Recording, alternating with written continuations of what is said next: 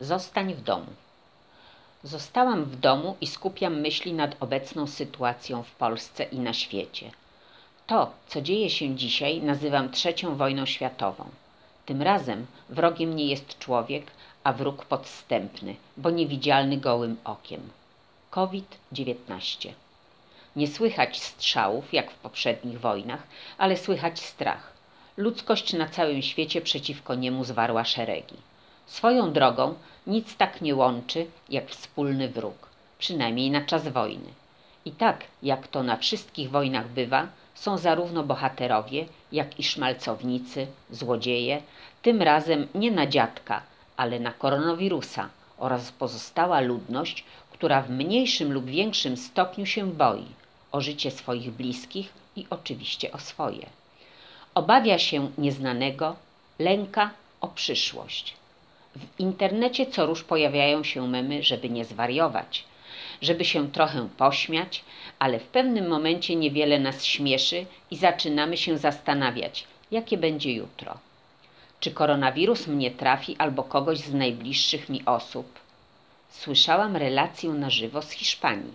Polak mieszkający od 20 lat w Barcelonie z objawami COVID-19 nie mógł dostać się do szpitala, ponieważ przyjmowani byli tylko Hiszpanie i to do 30 roku życia.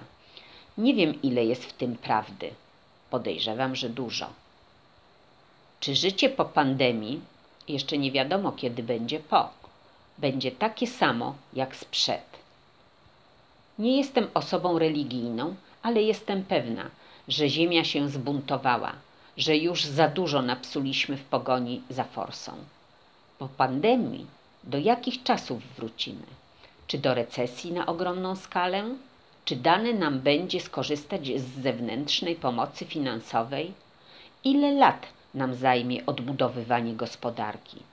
Co z bezrobociem? I tak dalej, i tak dalej.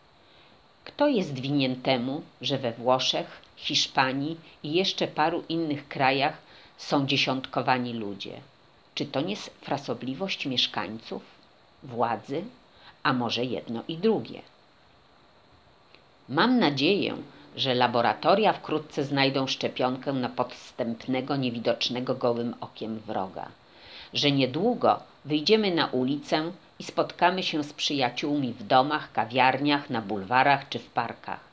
Ja marzę o spotkaniu na tarasie z przyjaciółmi i o wspólnym śpiewaniu przy akompaniamencie Jasia. Zaśpiewamy wszystkie piosenki i pieśni, nawet fałszując. Zatańczymy tango argentyńskie, odwiedzimy teatry i kina i będziemy cieszyć się każdym dniem, bo ocaleliśmy.